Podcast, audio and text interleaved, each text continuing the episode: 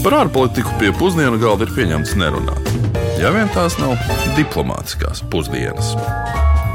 Labdien, un esiet sveicināti ikdienas raidījumā Diplomātiskās pusdienas. Un šodien mēs ar jums, klausītāji, dosimies kādu īpaši laimīgu valsti, Karību jūras reģionā. Uz valsts, kas ir arī slavena ar to, ka tajā ir visvairāk ruma, precīzi sakot, ruma bāru uz kvadrātkilometru, ja tā rēķina nocīm, redzot, kāds ir sarēķinājis.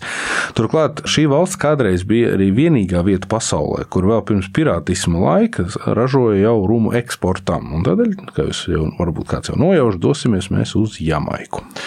Jā, Rumu Jamaikā tiešām izmanto daudz, gan dzeršanai, gan ēdienu gatavošanai, gan arī, starp citu, pirmās palīdzības sniegšanai. Un, starp citu, Jamaika reiz bija arī slavenā pirātu kapteiņa Morgana mājvieta, un droši vien daudz arī šo vārdu tagad saista tieši ar Rumu. Un vēl, ja mēs turpinām par šo gardo dzērienu, tad tieši no Jamaikas nāk arī pasaulē dārgākais rums. Un, kā mēs noskaidrojām, tas ir 1940. gada J. Rays and Nephews radīts rums, un tas maksā aptuveni 54,000 dolāru par pudeli. Jamaika audzē arī vienu no retākajām un dārgākajām kafijām pasaulē. Nu, šis dzēriens ir pazīstams kā Blue Mountain kafija vai Zilā kalna kafija tiek audzēta tikai Jamaikas auglīgajā augsnē. Aromāts un garš tā esot tāda, ka, nu, kā zinātāji sakot, nesot no šīs pasaules. Tāpēc nav brīnums, ka kafijas cienītāji visā pasaulē visnotaļ cenšas tikt klāt kādai krūzītei. Bet vai nu skrienot pēc kafijas vai pēc ruma, daudzi jamaikieši ir attīstījuši arī īstas sprinteru dotības. Un šeit jāatgādina, ka arī Huseins Bolts, kas ir pazīstams kā pasaulē ātrākais cilvēks, ir dzimis tieši Jamaikā. Jamaikā tiešām ir ļoti ātri gan sprinteri, gan sprinteres. Bet ar ko tad ir zinām mūsu klausītājiem šī nepilnīgs 3 miljonus iedzīvotāju lielā valsts, Jamaika, to tūlīt dzirdēsim. Jamaika, kādas te asociācijas? Jamaika ir tropu zeme. No mana viedokļa arī izklaide vairāk saistās. Viņi noteikti nav īpaši bagāti. Jamaika, nu, protams, rastamānija, zalītes, salīte, karību jūrā, rums. Pludmalā un kaut kāda, nezinu, tur offshore, tur nodokļu optimizācijas atpūta un nauda. Vai ar sportistiem Ziemassvētku spēlēs?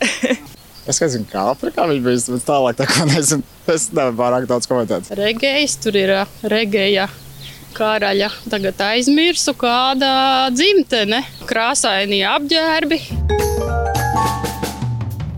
Un, eh, sākot stāstīt par Jamaiku, vēlētos sākt ar to, ka valsts ir bijusi Britu kolonija, kas tika pakļauta 1655. gadā. Nu, patiesībā sakot, pārņemta no spāņu kolonizatoriem 1655. gadā. Un neatkarību Jamaika ieguva apmēram trīs gadsimtus vēlāk, jeb 1962. gadā. Taču pēc tam kļuva par Britu sadraudzības valsti. Tas nozīmē, ka neskatoties uz to, ka valsts ir konstitucionāla monarhija ar savu reprezentatīvo valdību, valdība darbojas saskaņā ar sistēmu, kur premjerministrs ir valdības vadītājs, bet Jamaikas monarhs, ja valsts galva, ir nu pat kronētais Čārls III. Un Jamaikas iedzīvotāji un politiķi gan ar vien aktīvāk uzstāj uz to, ka vēlas tomēr atteikties no svešās monarhijas, un kā materiāli liecina, tad vēl pagājušajā gadā uh, Keita un, un, un, un Viljams esot uh, no Jamaikas parlamentāriešiem saņēmuši ziņu tiešā veidā, ka mēs vairs jūs nevēlamies. Viens interesants fakts par Jamaikas valdību ir tas, ka tā ir uh, ļoti dinamiska politiskā diskursa un aktīvas pilsoņu līdzdalības tradīcija. Tiek veicināta sabiedrības iesaistīšanās politikā, un jamaikieši ir pazīstami arī ar savu nu, entuziasmu un aizrautību, ka runa ir tieši par politiskiem jautājumiem. Nu, vēl viena tāda interesanta lieta ir tas, ka Jamaikas politiskās partijas ilgstoši ir bijušas saistītas ar narkotiku bandām. Un tas atkal nodrošina šajā politiskajā procesā ļoti augstu vardarbības līmeni. Bet, ja mēs skatāmies uz nedaudz tradicionālākiem, mums ierastākiem skandāliem, tad viens no lielākajiem starptautiskiem skandāliem Jamaikas valdības vēsturē ir uzskatāms, ka bija Trafigura afēra, un tas notika 2006. gadā. Atskaņas par to jūtams Jamaikas politikā vēl ir šodien. Un skandāls bija saistīts ar pretrunīgi vērtēto atkritumu apglabāšanas līgumu starp Jamaikas valdību un Nīderlandes uzņēmumu Trafigura Beher. Un līgums ļāva Trafigurai iznīcināt toksiskos atkritumus no viena no saviem kuģiem taisno pie Jamaikas krastiem. Atkritumi, kuros bija bīstamas ķīmiskas vielas, vienkārši tika izgāzti galvaspilsētas Kingstonas ostā. Tika apgalvots, ka šis iznīcināšanas process izraisīja nopietnas veselības problēmas apkārtējiem iedzīvotājiem un arī kaitējumu videi. Ostas tomā dzīvojošie iedzīvotāji ziņoja gan par elpošanas problēmām, gan arī nu, ādas izstumiem. Nu, Galu galā valdība saskārās ar intensīvu sabiedrības spiedienu, kā rezultātā tika uzsākta arī izmeklēšana. Trafigūra piekrita maksāt Jamaikas valdībai kompensāciju apmēram 150 miljonu eiro apmērā, kas bija attiecīgi jāizmanto veselības aprūpei un vidas sakopšanas pasākumiem. Nu, skandāls šajā gadījumā skaidri un gaiši parādīja caurskatāmības, pareizu procedūru un sabiedrības līdzdalības nozīme valdības lēmumu pieņemšanas procesos, bet nu, beigu beigās jau bija brutāls korupcijas gadījums. Nu, tagad parunāsim par um, iespējams daudziem interesantāko tēmu, ar ko arī Jamaika varbūt ir visvairāk pazīstama. Un bija toksiskiem atkritumiem. Jā, jā, un bieži vien arī stereotipiski asociējas. Nu, tā ir marihuāna un kultūras kustība, ko mēs pazīstam kā rastafariānismu. Jā, un marihuāna Jamaikā dēvē parasti par ganģu. Un Jā, un šeit par šo ganģas nosaukumu bija savulaik Latvijā ražoja datorus Gauja, un šis simbols ar uzrakstīņš bija tādā šriftā, ka daudz ārzemnieki to pirka tieši tāpēc, ka viņiem vārds Gauja izskatījās pēc ganģu. Mm. Stilā, stilā ikonisks elements bija padevies. Lai vai kas nodrošina papildus preces noiet. Pat arī šādas lietas. Bet um, atgriežoties par, par ganģu par marihuānu, marihuānu, tad uh, marihuāna oficiāli Jamaikā ir nelegāla.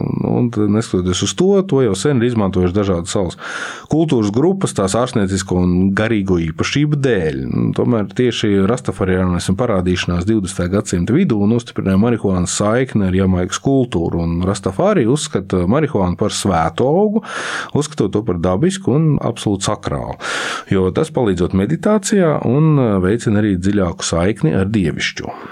Starp citu, vienai no Jamaikas slavenākajām, nu, atpazīstamākajām personām, mūziķim Bobam Mārlijam, bija galvenā loma gan regēju mūzikas, gan arī rastafariānismu popularizēšanai visā pasaulē. Mārlija mūzika ne tikai valdzināja klausītājus ar ļoti lipīgiem ritmiem, bet arī kalpoja par platformu, lai paustu rastafaru uzskats un aizstāvētu sociālo taisnīgumu.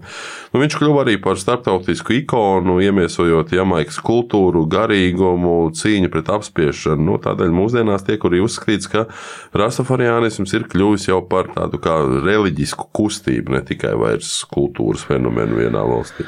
Bet no juridiskās puses skatoties, tad tikai 2015. gadā Jamaikas valdība veids pasākums, lai sāktu dekriminalizēt marihuānu, ļaujot personām glabāt nelielu daudzumu personiskai lietošanai. Šīs darbības mērķis bija novirzīt uzmanību no lietotāja kriminalizācijas uz aktuālāku problēmu risināšanu, un vienlaikus atzīstot, protams, arī šo marihuānas kultūru kultūras nozīme Jamaikas sabiedrībā. Un valdība ievies arī noteikums par medicīniskās marihuānas audzēšanu un izplatīšanu, un tas noved pie legālas un regulētas medicīniskās marihuānas nozares attīstības. Nu, ņemot vērā, ka Jamaika ne tūlīt nav vienīgā pasaules valsts vai vieta, kur marihuāna tiek dekriminalizēta, šodien pavisam tādā nu, rotaļīgā noskaņojumā vēlējāmies noskaidrot par situāciju un domāšanu Eiropas Savienības ietvaros par marihuānas legalizāciju. Tādēļ to vaicājām pastāstīt Eiropas parlamenta deputātam Dr. Ivaram Iebam. Marihuānas legalizēšana vai nelegalizēšana ir viena no tām lietām, kur Eiropas Savienība neko dalību valstīm īpaši priekšā nesaka. Tieši tādēļ arī tāda vienota Eiropas regulējuma tur nav un arī nevajag būt. Bet nu, pasaule mainās, protams. Un arī mums ir par to jādomā un ierakt galvu smiltīs un izlikties, ka nekas nenotiek, ir, manuprāt, vienkārši nepareizi. Nu, mēs zinām, ka Kanāda un gandrīz jau puse Amerikas štatu ir nolegalizējuši arī atpūtas vajadzībām. Vācija, nu, Eiropas lielākā ekonomika šobrīd eh, ļoti intensīvi pie tā strādā, un tas pat varētu notikt. Tad šogad viņi varētu to nolegalizēt. Nu, tur Čehija, Šveice, Nīderlanda, mēs zinām jau to seno stāstu no 70 gadiem ar kofiju šopiem un tā tālāk. Citiem vārdiem sakot, tā tendence ir tiešām tāda, ka eh, marihuāna kļūst eh, legālāka dažādos formātos. Bet tur ir vesela virkne ar Eiropas līmeņa jautājumiem, kuros arī Latvijai vajadzētu, manuprāt, pietiekoši aktīvi iesaistīties, jo tas agli vai vēl tā vai citādi mūsu skars. Beig beigās iedomājieties situāciju, kurā marihuānu nolegalizē Igauniju un Lietuvu. Tad kā tad būs? Tad, nu, mēs to paši nedarīsim, bet mums būs kaimiņu valstis, tad mēs to turismu tādā veidā veicināsim, vai kas tur notiks. Viens no tādiem jautājumiem, piemēram, jautājums par piegādēm. Mēs zinām, ka nu, viens no argumentiem, kāpēc vajag legalizēt marihuānu, ir tas, ka tas ir jautājums par kvalitātes kontroli. Piemēram, Vācija grib aizliegt importēt, viņiem būs legāla, bet viņi tikai uz vietas ražos un uh, izplatīs, uh, kas nozīmē to, ka uh, nu, mēs tur nevarētu ieiet tajā tirgu un kaut kādā veidā konkurēt ar viņiem, kā tas savienojas ar Eiropas Savienības vienotā tirgus principiem gal galā, kur ir brīva konkurence. Nu, otra lieta, tur ir arī vesela virkne ar tādām tiesiskām konvencijām narkotiku apkarošanas jomā, kuras virkne no dalību valstīm ir parakstījušas. Nu, tad ir jautājums, kā mēs varam tās konvencijas izgrozīt tā, lai tur paliek nu, visas smagās narkotikas, visi opiāti un visi tādi, bet uh, marihuāna neietilpt vai tajā tvērumā. Tā ir arī pietiekoši nopietna lieta. Un trešām kārtām.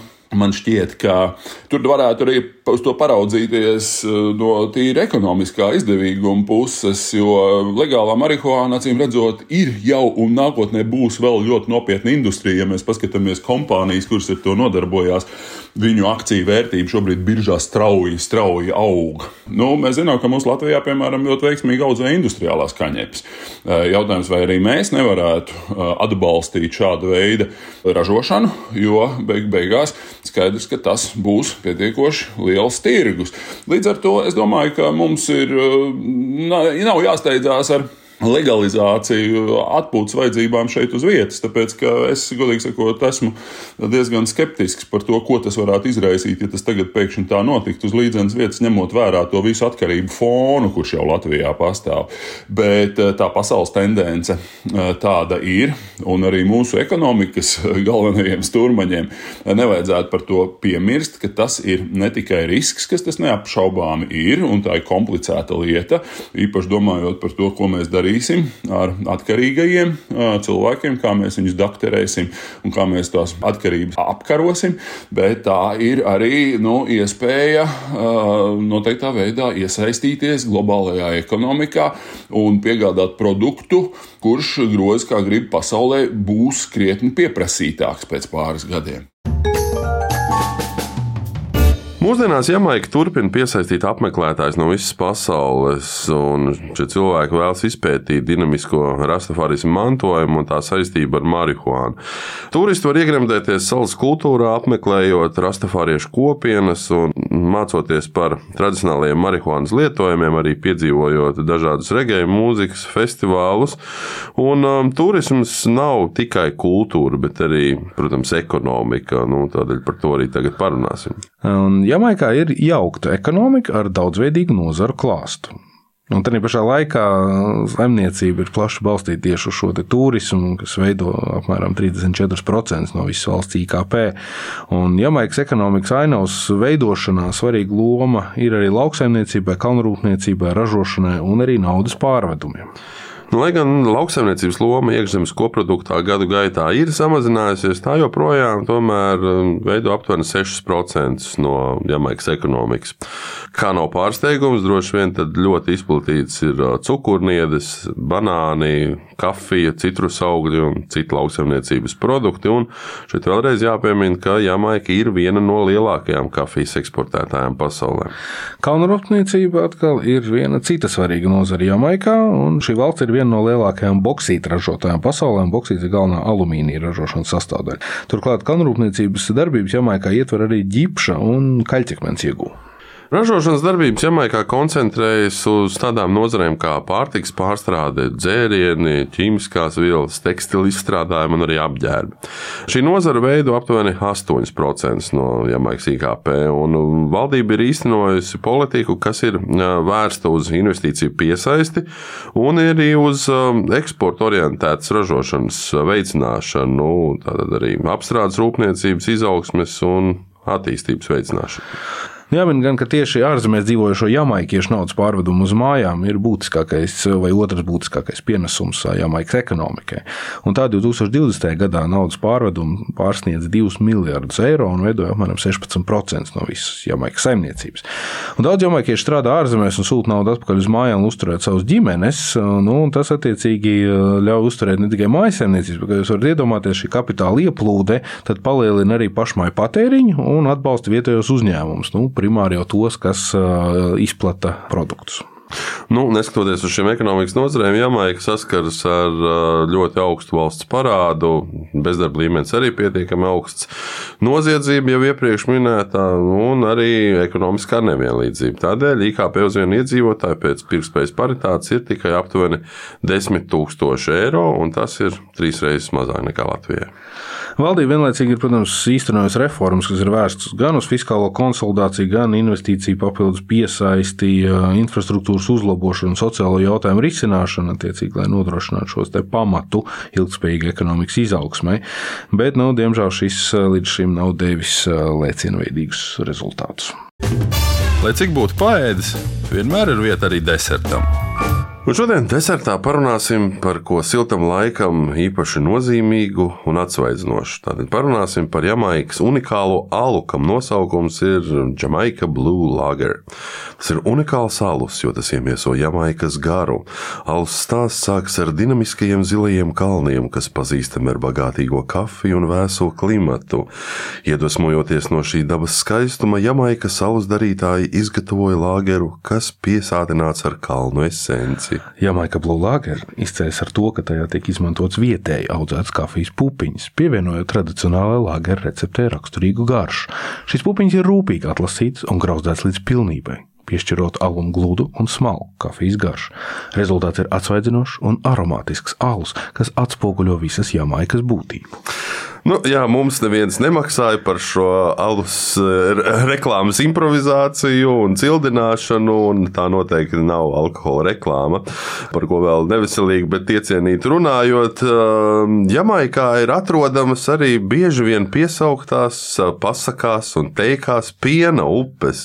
Jā, tiešām Jamaikā atrodas piena upes spā, un to arī apmeklē cilvēki no visas pasaules, un tiek uzskatīts, ka šai upei piemīt pelnīt no ārstnieciskas īpašības.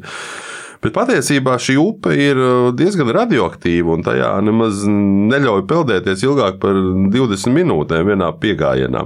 Ūdens esot pat trīs reizes radioaktīvāks par Čehijā atrodamo Karlovu Vārijas spā. Un interesanti, ka šīs piena upes ārstnieciskās īpašības ir pazīstamas jau kopš 17. gadsimta, kad, nu, ja tā var teikt, tos atklāja nejauši kāds īpašnieka piekauts un upē iemaldījies afrikāņu izcelsmes vergas.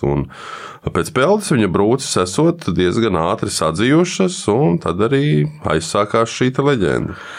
Nu jā, ar šo visnotaļ saudabīgo leģendu arī pienācis laiks slēgt mūsu šodienas raidījumu, pēc diviem mierīgākiem un jaukākiem raidījumiem nākamā nedēļa dosimies uz Ruandu.